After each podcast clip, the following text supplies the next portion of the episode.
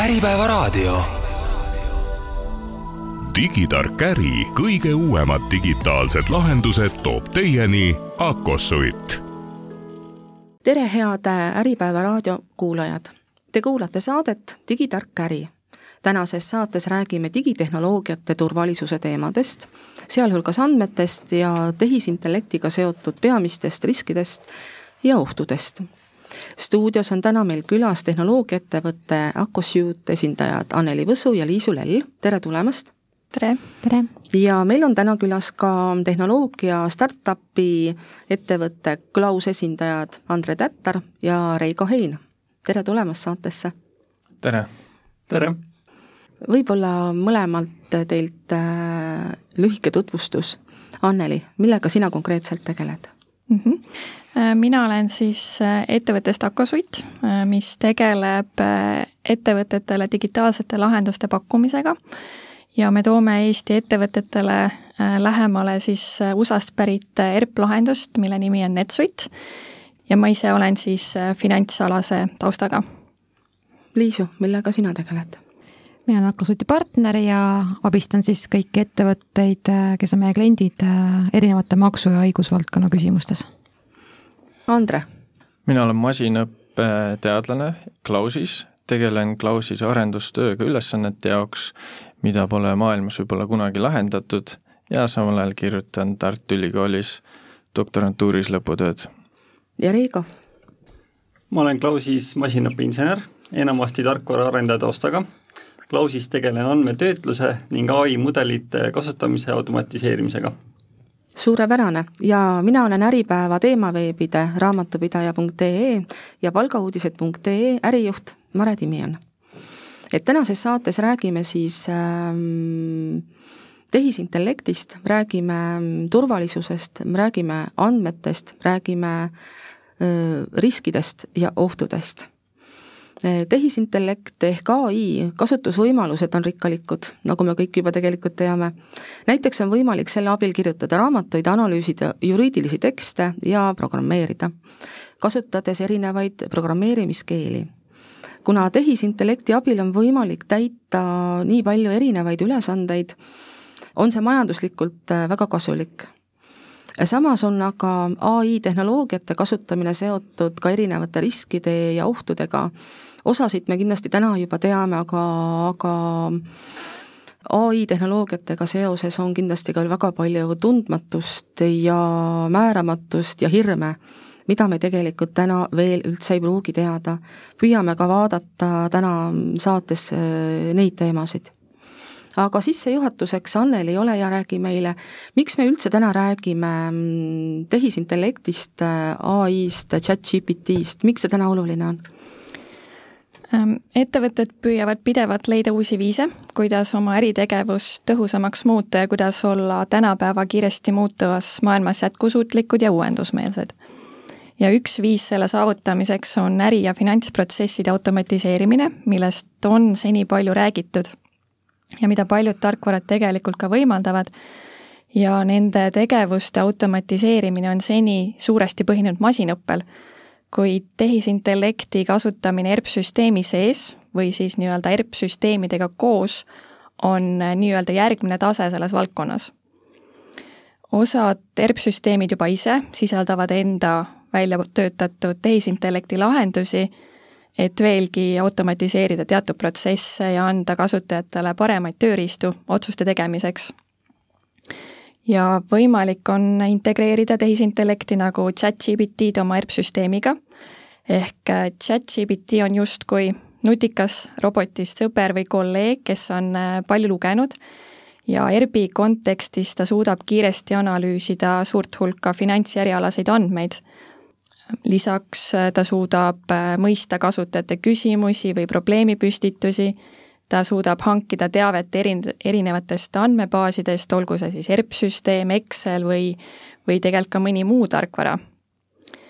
ja äh, loomulikult suudab ta täita erinevaid ülesandeid, ta suudab teha andmetest kokkuvõtteid, ta suudab luua graafikuid, teha arvutusi ja, ja äh, ka prognoose ning trendianalüüse ja kui igapäevases töökeskkonnas me oleme harjunud, et töötajal tekib äh, mõni küsimus või probleem, siis äh, täna üldjuhul küsitakse abi mõnelt kolleegilt, kas, äh, kas oma otseselt juhilt või otsitakse lahendusi Google'ist, siis tehisintellekt hakkab tulevikus olema abimees või nii-öelda kiire kolleeg, kellel on aega sinu küsimustele vastata. Ning ta oskab olla abiks mis iganes olukorras ja ja seetõttu jõuda kiiremini otsuste või probleemi lahenduseni ja, ja sellepärast on ka oluline sellest teemast rääkida, et et tehisintellekti on võimalik kasutada töötajate koolituses, näiteks ERP-süsteemi kasutamise osas, et kuidas mõni funktsionaalsus toimib, kuidas mingit infot ERP-ist leida ja nii edasi. ja selle tulemusena lüheneb uute kasutajate õppimiskõver, mis parandab ka kasutajate süsteemi omaksvõttu ja tõstab kokkuvõttes nende üldist rahulolu ERP-süsteemiga just, et siin on väga palju olulist ja kasulikku, mida tegelikult äh, tehisintellekt meie tänasele tööle kaasa annab. aga Andre, võib-olla alustame sinuga juttu sel teemal, et lisaks väga paljudele kasudele on tehisintellekt seotud ka erinevate turvalisuse küsimustega, riskide ja ohtudega räägi meile, millised võiksid olla kõige kriitilisemad riskid, mis on seotud tehisintellektiga? jah, ähm, kuigi ma arvan, et chat-GPT ja, ja sarnased mudelid on väga, väga head, siis nendega on tõesti kaasnevad äh, riskid, kõige, kõige suurem risk on hallutsineerimine, ehk siis valeinformatsiooni tootmine. mõju oleneb üldiselt ülesande keerukusest ja sellest, kui tähtis see on, aga aga see hallutsini-, hallutsineerimise probleem äh, on, on väga suur. Äh, noh, näiteks ma küsisin jaanuaris äh, chat-GPT-lt, et, et kes, kes oli president peale Kersti Kaljulaidi ja ta vastas mulle väga enesekindlal toonil, et Helme. ja mis oli minu jaoks nagu väga üllatav vastus ähm,, noh, seal on üks probleem, et esiteks ChatGPT omab infot aastani kaks tuhat kakskümmend üks, aga, aga suurem probleem on selles, et, et ta hallutsineerib väga enesekindlal toonil, ta ei ütle sulle, et ma ei tea, ta lihtsalt annab sulle mingi vastuse ja väga enesekindlalt, mis, mis on nagu äärmiselt äh, kriitiline, et noh, ütleme, et kui, kui kasutada ettevõttes ja sa saad mingi valeinformatsiooni, siis see võib olla väga katastroofiliste tagajärgedega. Äh, teiseks see valeinformatsiooni tootmine on väga raske selles ka, et kui me kasutame seda automaatselt, siis väljundi kontrollimine on väga raske ja nõuab palju tööd. garantiisid äh, väljundi kvaliteedis on raske anda, sest me ei saa teadmatust äh, lõpuni eemaldada. Äh, nüüd natukene, natukene väiksem risk on automatiseerimise kalduvus, et me kasutame GPT-d nii palju ja see on nii abi, abistav, et me hakkamegi uskuma, et ah, et see on, see on kuldne tõde. Äh, mis on ka äh, probleem, et noh, et kui sa arvad, et masin ei tee vigu, siis tegelikult äh, ta teeb küll. ja ma arvan, et see, see risk on nagu minu jaoks kõige, kõige suurem, et ma ise kasutan äh, äh, lab, söögi tegemises kuni isegi meditsiinilise nõu küsimiseni GPT-d et siis see, see võib olla äh, probleem, äh, et, et peab olema väga kriitiline, kui sa loed seda ja kui sa suhtled GPT mudeliga. Äh,. Noh, peab aru saama ka, et keelemudelid on kõik treenitud mingitel suurtel andmema-, andmemahtudel, üldiselt need on internetist võetud umbes, umbes seitsekümmend protsenti on äh, kõik internetist võetud äh, inimeste loodud tekst, sealhulgas ka masinate poolt loodud tekst ja, ja selline maailmavaateline kalduvus, kõik, kõik, mida inimesed on loonud äh, ja niisugune noh, bias, on, on kõik seal ja seal sellises maailmamudelis sees. et see on äh, Silicon Valley's välja töötatud, seal on niisugune võib-olla kerge liberaalne äh, bias siis sees. et äh, noh, kui võib-olla maalähedasemalt tuua üks näide, siis varem ma töötasin masintõlkes ja, ja selline maailmavaateline kalduvus on äh, nagu asesõnadega, et kui me tõlgime äh, tema eesti keelest inglise keelde, siis on küsimus, kas on he või she ja siis maailmavaatest tuleb, et, et kaevur on tavaliselt siis mees ja, ja võib-olla õde on siis äh, äh, noh, nurse on siis she ja, ja sellised kõik maailmavaatelised asjad on, on seal sees äh,. Noh, ei ole kõige suurem risk, aga peab arvestama sellega, et selline asi võib juhtuda, eriti praegusel, praegusel ajal, kui me tahame olla kõik äh, nagu, et kaasame kõiki igale poole äh, asesõnadega ja nii edasi äh,.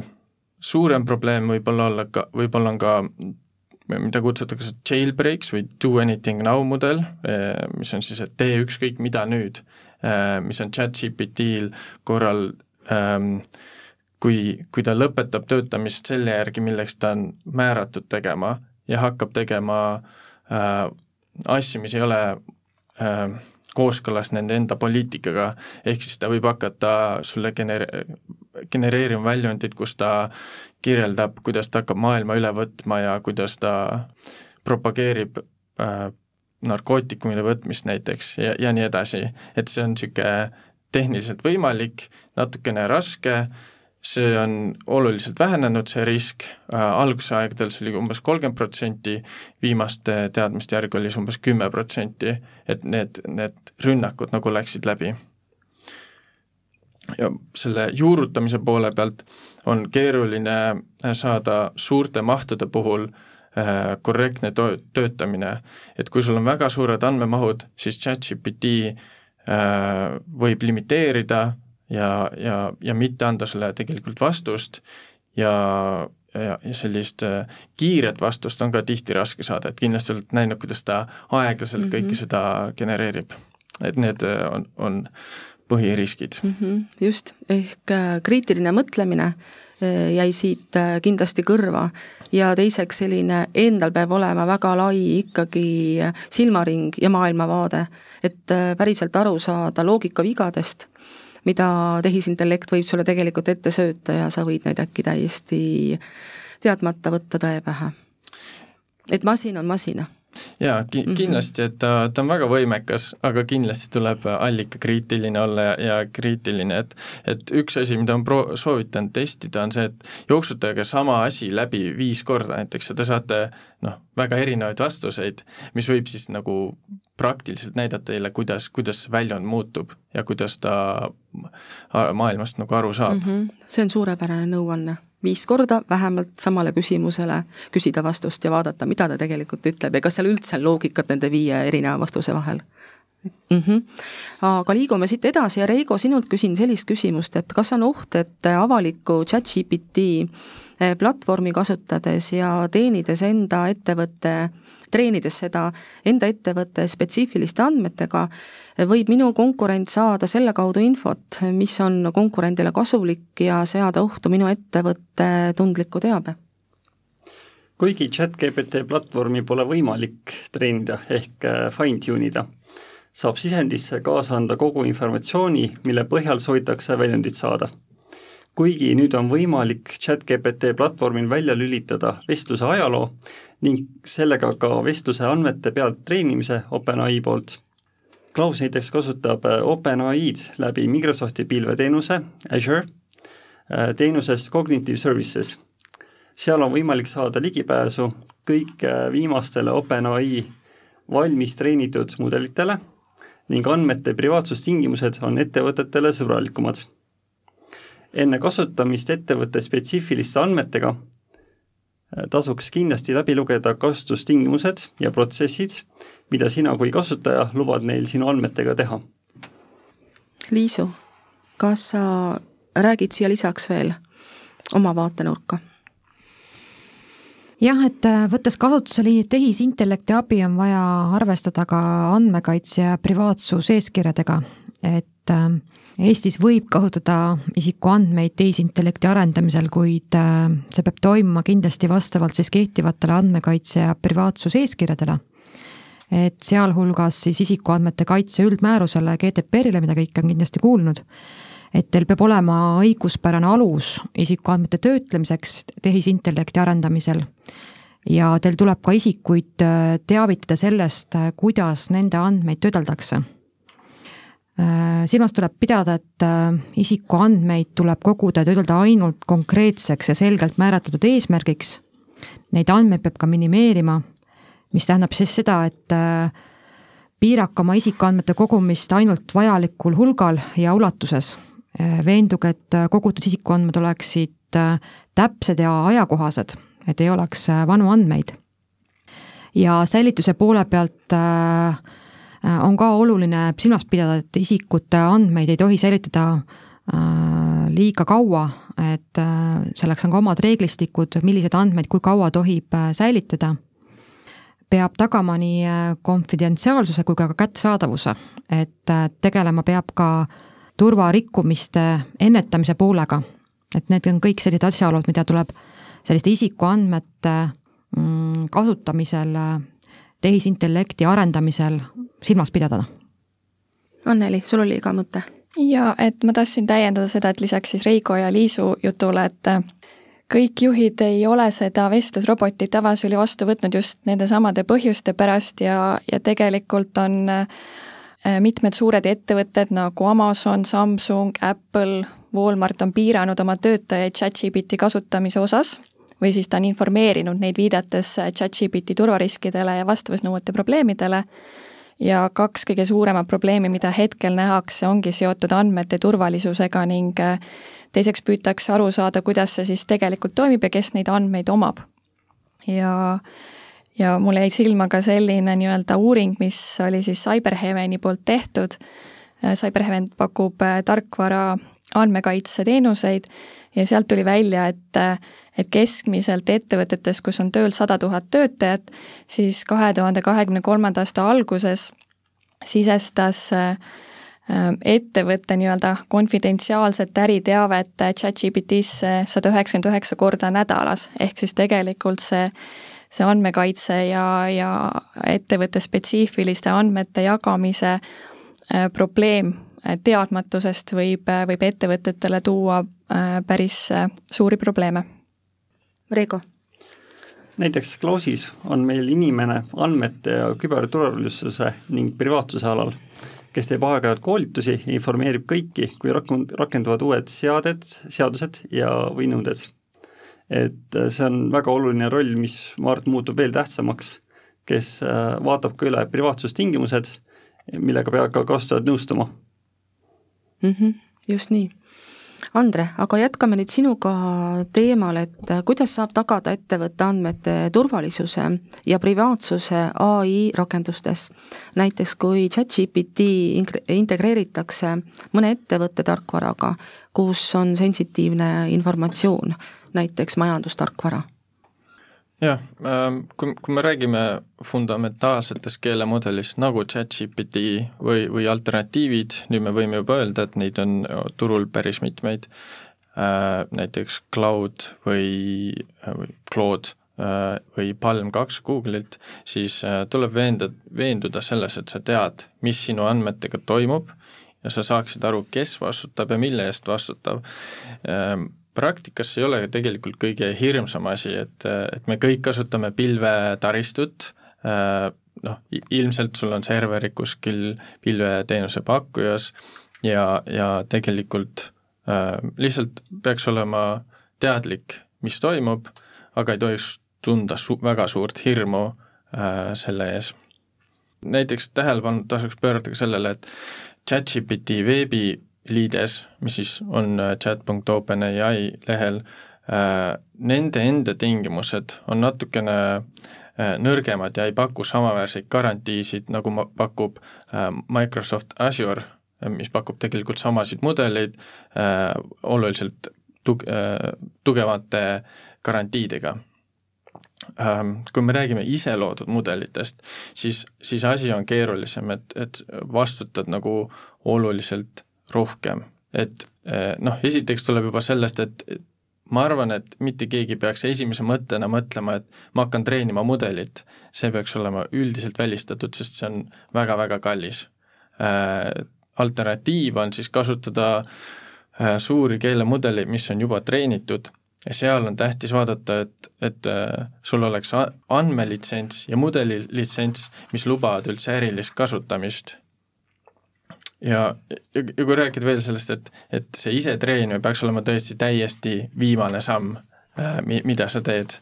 et see on ikkagi väga kallis ja väga keeruline protsess, kuigi läheb jah, kergemaks ähm,, aga, aga, aga ma ei soovita, ma soovitan pigem kasutada äh, mudeleid läbi pilveteenuse pakkuja siis mm. -hmm. ja need vist on ka protsessid, mis on täna tegelikult täiesti reguleerimata veel. et äh, me ei tea tegelikult, milliste normide või reeglite järgi võib üldse tegelikult selliseid tegevusi teha.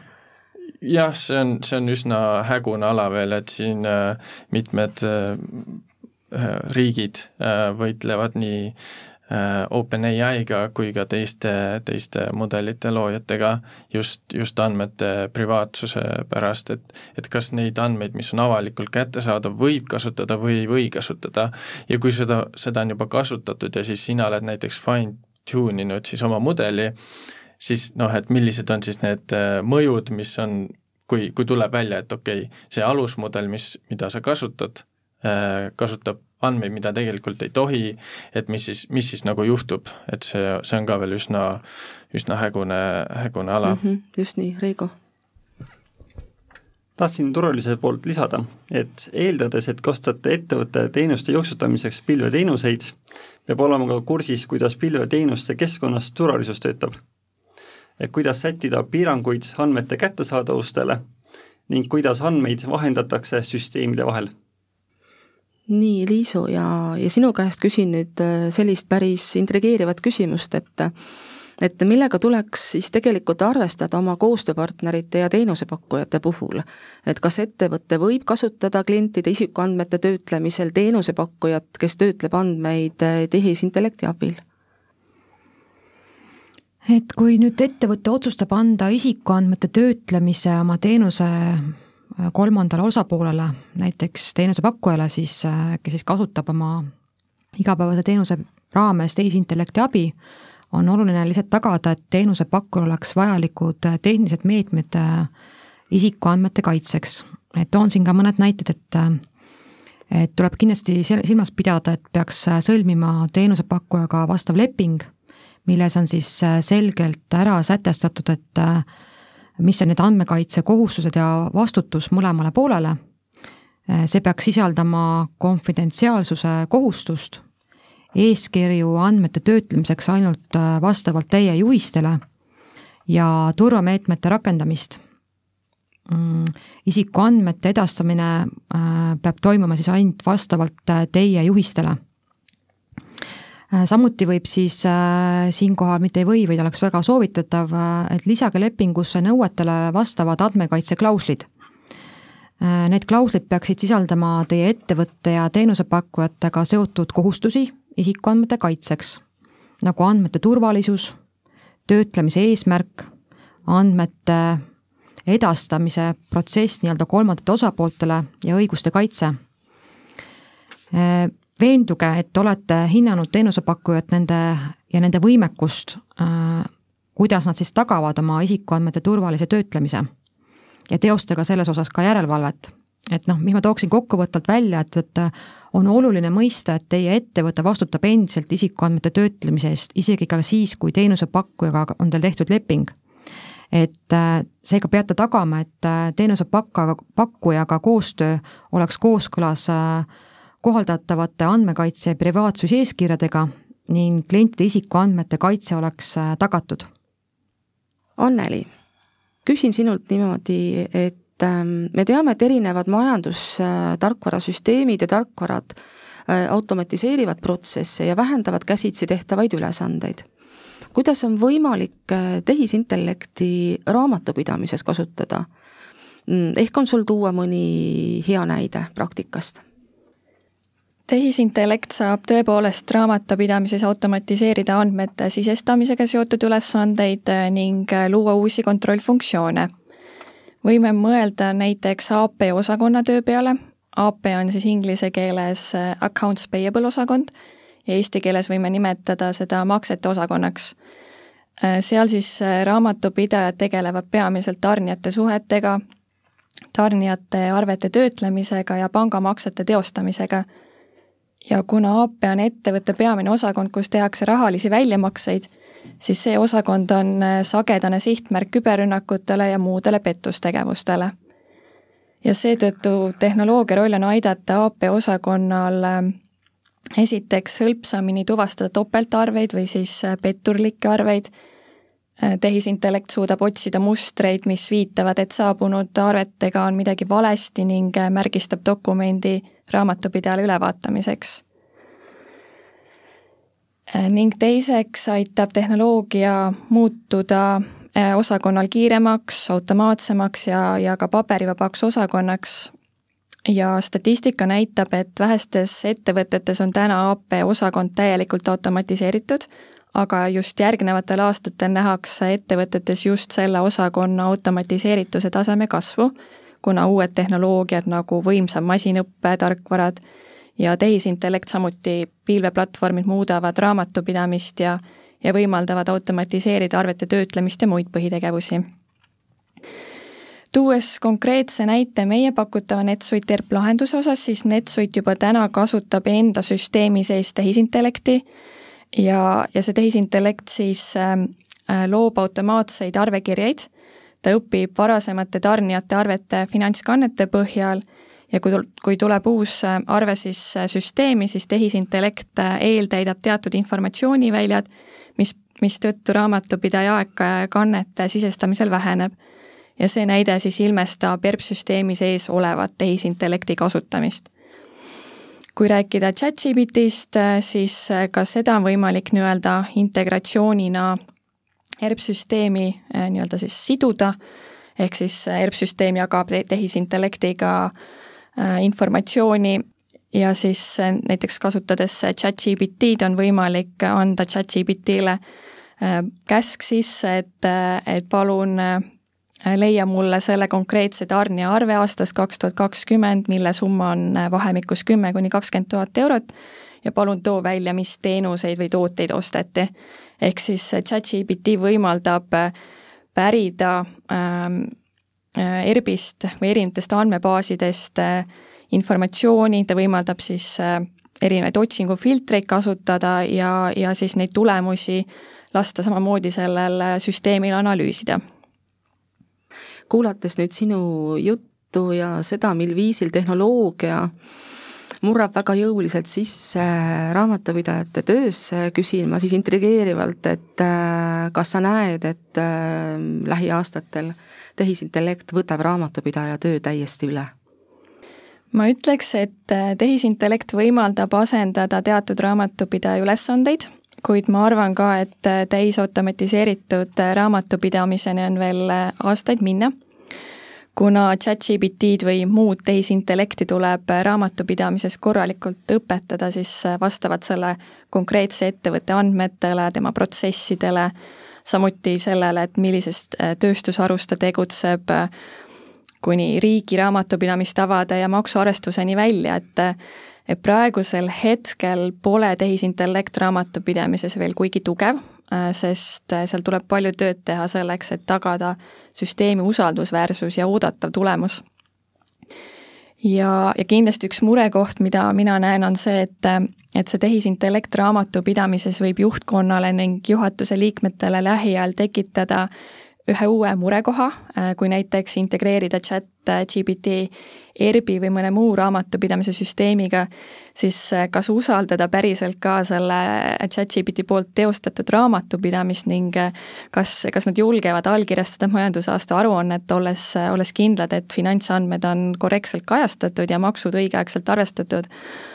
et ähm, ma jah, hetkel arvan, et ChatGPT ju ei vastuta ebaõige finantsaruandluse eest jääb vastutus hetkel siiski nii-öelda ettevõtte juhatusele ja võrreldes sellega, et täna ju saab raamatupidajat ebaõigse kajastamisest vastutusele võtta ja, ja siin tekib kindlasti küsimus, et kuidas see vastutus ja kontroll ettevõttes tagada.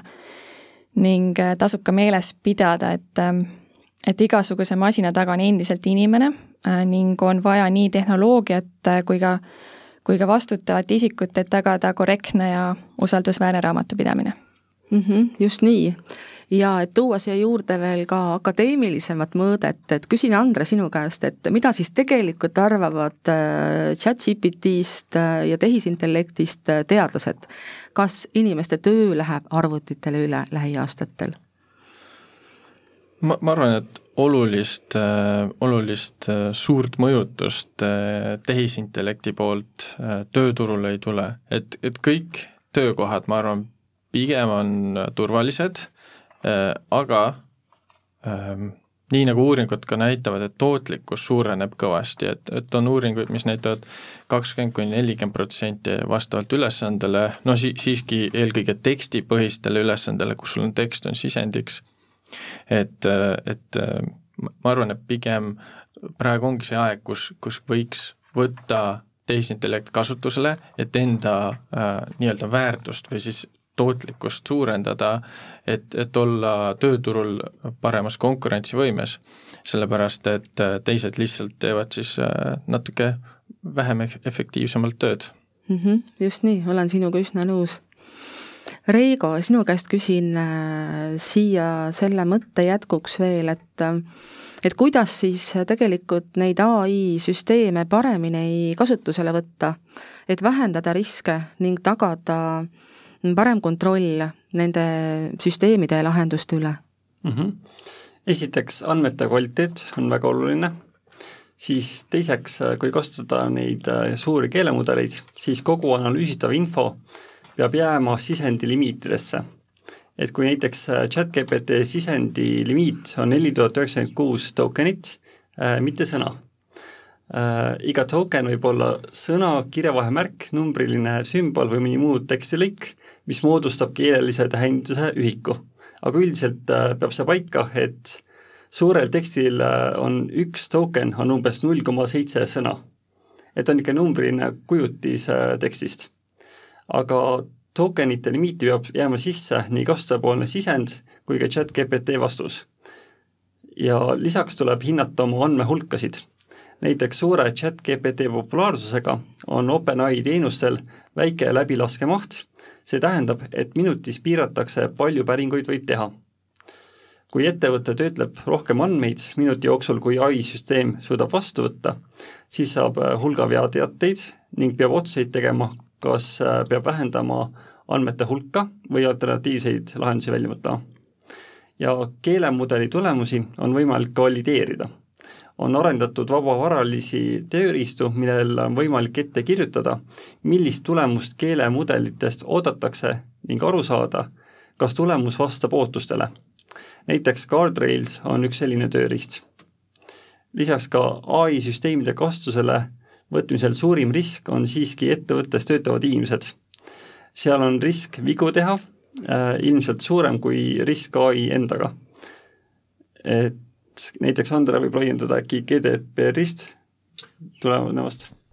ma, ma ei ole selle ala ekspert, aga, aga ma, ma arvan, et kõige suurem risk on, mida on väga palju välja toodud, on see, et inimesed äh, lihtsalt lähevad ja testivad chat-GPT-d, viskavad suvaliselt andmed sisse ilma mõtlemata sellegi peale ja siis see on juba noh, juba ongi, et risk on realiseerunud ja tegelikult seda kindlasti teha ei tohi, eriti kui sa ei ole äh, andnud luba, äh, saanud luba kasutajatelt. E, ja eriti varasemalt, kui, kui see tegelikult oli teada, et ChatGPT kasutab kõiki sisendit treenimiseks, et siis see oli ikkagi väga suur äh,, väga suur probleem mm. -hmm, just nii, et äh, ei tohi kuidagi nagu ära unustada, et äh, tehisintellekti puhul samamoodi kehtivad kõik äh, GDPR-i nõuded. ja, ja samamoodi tuleb siin olla ka äh, tuleb ka kasutada kriitilist mõtlemist, mis iganes tegevusi teha chat-GPT puhul ma lisaks siiapoole veel juurde, et, et kõik need igasugused äh, protseduurireeglid ja majasisesed äh, nende juhendid, mis on äh, GDPR-i valguses nagu välja töötatud ettevõtetes, et tasuks siin nagu mõelda, et võib-olla ka sellele poolele nagu tähelepanu pöörata, et on ettevõtted, kes implementeerivad seda tava, et nad teevad täiesti nagu teavituse töö oma töötajatele, et et kas nad siis täiesti, täiesti keelavad ära selle kasutamise või oma töös või siis limiteerivad seda kasutamist, et ma arvan, et see lihtsalt on oluline aru saada, et ta ei ole nagu eraldiseisev nii-öelda teemade plokk, et nad nagu jooksevad omavahel nii, omavahel sisse nii-öelda need isikuandmete teemad, et et ka tõepoolest tehisintellekti kasutusele võtmisel või olles partnersuhtes ühe teenusepakkujaga, kes on sinuga koostöös igapäevaselt, et äh, sa pead äh, ka siin kõiki neid samu isikuandme töötlemise nõudeid nagu silmas pidama ja, ja oma äh, organisatsiooni nii-öelda igasugused erinevad protseduurireeglid ja kaardistused oma andmekaitsega seoses sellega nagu kaasajastama, et, et ka, et see, see pool oleks kaetud, et töötajad teadvustaksid endale, et kui nad isegi kasutavad oma igapäevases töös seda abi, ai abi, et siis nad teavad, et äh, et äh, nad ei tohi sinna salvestada isi-, konfidentsiaalset ärisaladust ja isikuandmeid tuleb väga hoolikalt, ühesõnaga käitleda, et, et see ei, siin on oma reeglistik ja, ja see, sellel võivad olla väga kurvad tagajärjed, kui, kui nendest mitte kinni pidada mm. -hmm, just nimelt ja ilmselt tuleb ka arvestada väga suurte kahjutasudega jah, tõepoolest, et juba... kahjuks, kahjuks on juba esimesed kohtupraktikat GDPR-i valdkonnas ja nüüd on lihtsalt küsimus, millal, millal see nii-öelda see, see, see pool, millises võtmes ja millise, millise kaasusega kulmineerub see nagu meie tänase teemaga, et, et et paraku see on jah, ja, ja siin tasuks ka meeles pidada, et nii nagu GDPR-is üleüldiselt äh, sa oled kohustatud teatavatel kui sul ongi selline andmeleke nagu toimunud, siis sa pead tegema teatava hinnangu selle, sellele andmeintsidentidele, mis, mis sul seal parasjagu juhtus, eks ju, et, et et peab olema ka teadlik sellest, et kui sa oled siis avastanud äh, selles protsessis ka, et, et äh, oma tehisintellekti kasutusele võtmisel, et sul on ikkagi isikuandmete leke toimunud, siis äh, teatavatel juhtudel sa pead ka arvestama sellega, et sa pead vastavat äh, asutusi sellest teavitama, et äh, kui sa seda ei tee ja tuleb tagurpidi nii-öelda välja, et, et selline leke oli, siis on jällegi probleem suurem, kui, kui, kui oleks kohe reageerinud, et ühesõnaga tasub igal juhul konsulteerida sellel poolel kindlasti selle ala spetsialistiga ja, ja need pooled ka läbi mõelda mm. -hmm et jäin nüüd mõtlema, kuulates sind, et tegelikult võib-olla isegi tuleb öelda aitäh sellele äh, tehisintellektile ja chat-GPT-le, et ta aitab meil nagu testida, kas meie andmekaitse teemadega on kõik tegelikult väga hästi organisatsioonis või tegelikult ei ole. et kas meie töötajad päriselt teavad, mida nad võivad kasutada ja mida nad ei või. läbi nüüd selle tehisintellekti kasutamise jah, et ma arvan, et see teavitustöö, et, et üks asi on see, kui ma panen Google'isse otsingusse äh, mõne isiku, see on nagu üks asi, aga see chat GDP on natuke teise funktsionaalsusega, et tal on salvestusvõimekus ja ja see juba annab sellele olukorrale hoopis uue dimensiooni ja ma arvan, et oluline lihtsalt siit nagu see kaasa võtta, see mõttekäik, et tasuks nagu mõelda, et millist kommunikatsiooni oma ettevõttes teha selles osas ka töötajatele, et kes võib-olla, ma ei tea, toon lihtsalt näite, personaliosakond teeb töökuulutust võib-olla aitab sõnastusel abi äh, chat-GDP-l, siis on see küsimus, et mis, missuguseid andmeid ta ikkagi tahab sinna nagu ja tohiks sinna nagu äh, salvestada, kui, kui ta sealt nagu abi palub mm. -hmm et räägime korra ka geograafilistest piirangutest ja nõuetest, et Liisu, et kommenteeri seda teemat, ole hea, et kas andmekeskustele on ka geograafilisi piiranguid ja nõudeid? jah, et andmekai-, andmekeskustele võivad kehtida ka geograafilised piirangud ja nõuded, et äh, mõned riigid võivad äh, seada nõuded näiteks sellele, et teatud tüüpi andmeid või teatud sektorite andmed peavad olema hoitud ainult antud riigi piires. et näiteks võib see kehtida riigiasutuste puhul. et erinevates riikides võivad olla erinevad andmekaitsenõuded, näiteks Euroopa Liidus kehtib isikuandmete kaitse üldmäärus Äh, mille kohaselt siis Euroopa Liidu kodanike isikuandmed peavad järgima kõiki neid GDPR-i nõudeid, millest me siin oleme rääkinud, olenemata siis sellest, et äh, kus on nende asukoht. et ma tooksin siinkohal välja sellesama ERP-i NetSuite'i platvormi puhul on äh, näiteks tagatud see, et mitte keegi väljaspoolt ei näe sinu ettevõtte andmeid. et et andmete ligipääs on tagatud ainult neile, kellel on, kellele sa oled ise otsustanud andmeid jagada, et see on väga oluline funktsionaalsus, et sa ise saad seda kontrolli nagu omada. olles võtnud kasutusele sellist, sellised lahendused, mis kõik selle poole on sulle nagu ära lahendanud. Et näite, näiteks, et sa saad luua erinevatele osakondade töötajatele süsteemis erinevad rollid. Sa saad läbi mõelda ja määrata, millist tüüpi infole on vaja ligipääsu selle konkreetse rolliga töötajale, näiteks nagu siin Anneli tõi välja erinevaid raamatupidamise igapäevaseid äh, töölõike, et näiteks ostu- ja müügiarvetega tegelevatele raamatupidajatele ei anta ligipääsu palgaandmetele, kui vastav raamatute, raamatupidaja ei ole ikkagi palgaarvestusega seotud töölõigu eest vastutav. ja miks see on nagu oluline, ongi see, et et lisaks sellele, et sul on igasugused lepingulised suhted äh, korda tehtud ja, ja ära reguleeritud ja ka allkirjastatud, sa pead ka oma nagu kõikides nendes, nendes süsteemides ja platvormides, mida sa igapäevaselt kasutad, sa pead äh, automatiseeritud kujul äh, tagama selle, et isikuandmetega äh, kokku puutuvad isikud äh, on ära kategoriseeritud, et, et äh, need to know basis nii-öelda on see põhiprintsiip, et äh, ja vastavate rollide loomine annab ka võimaluse piir, eh, piirata andmetega seotud muudatuste tegemise võimalusi, nagu siin ennemalt oli juttu. et eh, kui nüüd regioonidest veel rääkida, et seesama näide, mis me siin Etsodi puhul oleme Oracle'i puhul eh, välja toonud, et nende näiteks andmekeskused asuvad nii Põhja-Ameerikas, erinevates Euroopa riikides nagu Saksamaa ja, ja Inglismaa, kui ka Aasias et süsteem ise tagab siis selle, et andmetele pääsevad juurde ainult täielikud autenditud kasutajad ja seda krüpteeritud äh, suhtluse kaudu, et see on väga oluline äh, asjaolu sajaprotsendilise pilvepõhise lahenduse puhul, et et sa saad olla nagu kindel, et kui sa võtad kasutusele sellise väga nutika HERP lahenduse rahvusvaheliselt, siis siis et vähemalt sinu andmetega on see, kuhu need andmed nagu lõpuks sal-, lõpuks salvestatakse ja kuidas see protsess on nagu, jälle turvalisus on nagu ja konfidentsiaalsus on nagu tagatud ka isikuandmete poole pealt, et, et kindlasti tasub oma teenuseplatvormide vali, valikul ka selle peale nagu mõelda. saade hakkab meil vaikselt otsa saama, oleme siin arutanud andmekaitse teemadel, tehisintellekti turvalisuse ja riskide teemadel ja ma siia lõppu küsiksin sellise tegelikult päris igapäevase küsimuse, sellepärast et juba väga paljud ettevõtted kasutavad vestlusroboteid, et kuidas neid üldse kontrollida ja kontrollida seda, et kuidas ta suhtleb minu klientidega, kas ta on viisakas, kas ta on kena, ehm, kas ta on sõbralik. et ähm, kuidas ma nagu üldse nagu tean, et, ähm, et ta vastab korrektselt ja ei ole ohtu, et ta ei jaga välja minu ettevõtte tundlikke ähm, andmeid, ärisaladust, isikuandmeid. kuidas te kommenteerite? Andre ma arvan, et vestlusrobotid üldiselt on, on väga, väga head asjad ja nad aut-, suudavad tegelikult automatiseerida väga hästi. Neid on nüüd väga pikalt arendatud ja neil on veits halb maine äh, sellest äh, nagu esimestest versioonidest, aga nüüd äh, chat-GPT-l ja, ja keelemudelitel põhinevad vestlusrobotid on tegelikult väga, väga meeldivad.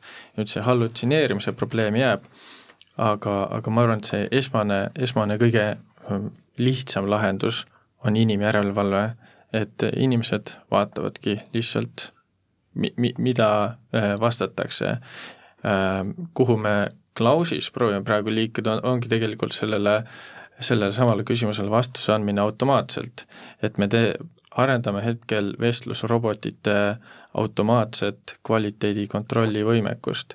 et see on äh, keeruline protsess, kus me vaatamegi, et kõik väljundid ja kõik sisendid, mis on roboti poolt genereeritud, saavad hinnatud.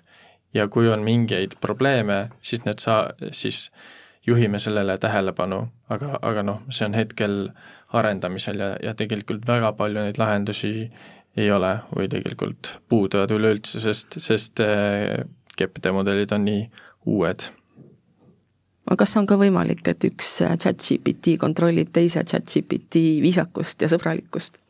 jaa, muidugi on, e, sellepärast et et tegelikult üks asi, kuidas sa tegelikult e, noh, esmane kasutus, mida sa võiksid kasutaja toele anda, on see, et sul on agendi abiline, et ma näiteks kirjutan kolmesõnalise vastuse, on ju, et ei, ei tööta niimoodi või tee restart ja siis ütled, et okei okay,, genereeri mulle palun viisakas väljund sellest. ja see on täiesti tehtav ja, ja tegelikult ongi hetkel töötav lahendus äh,, samamoodi kui sul on näiteks frustreeriv klient ja sa ütled, et midagi äh, noh, privaatselt midagi ebameeldivat, annad sisendiks, genereeritakse sulle viisakas lause vastu ja siis sa saadad nagu selle kliendile, mitte siis oma ütleme, niisugune frustreeritusest kirjutatud äh, teksti suurepärane, aga siis selle positiivse sõnumiga saamegi siinkohal saatele punkti panna.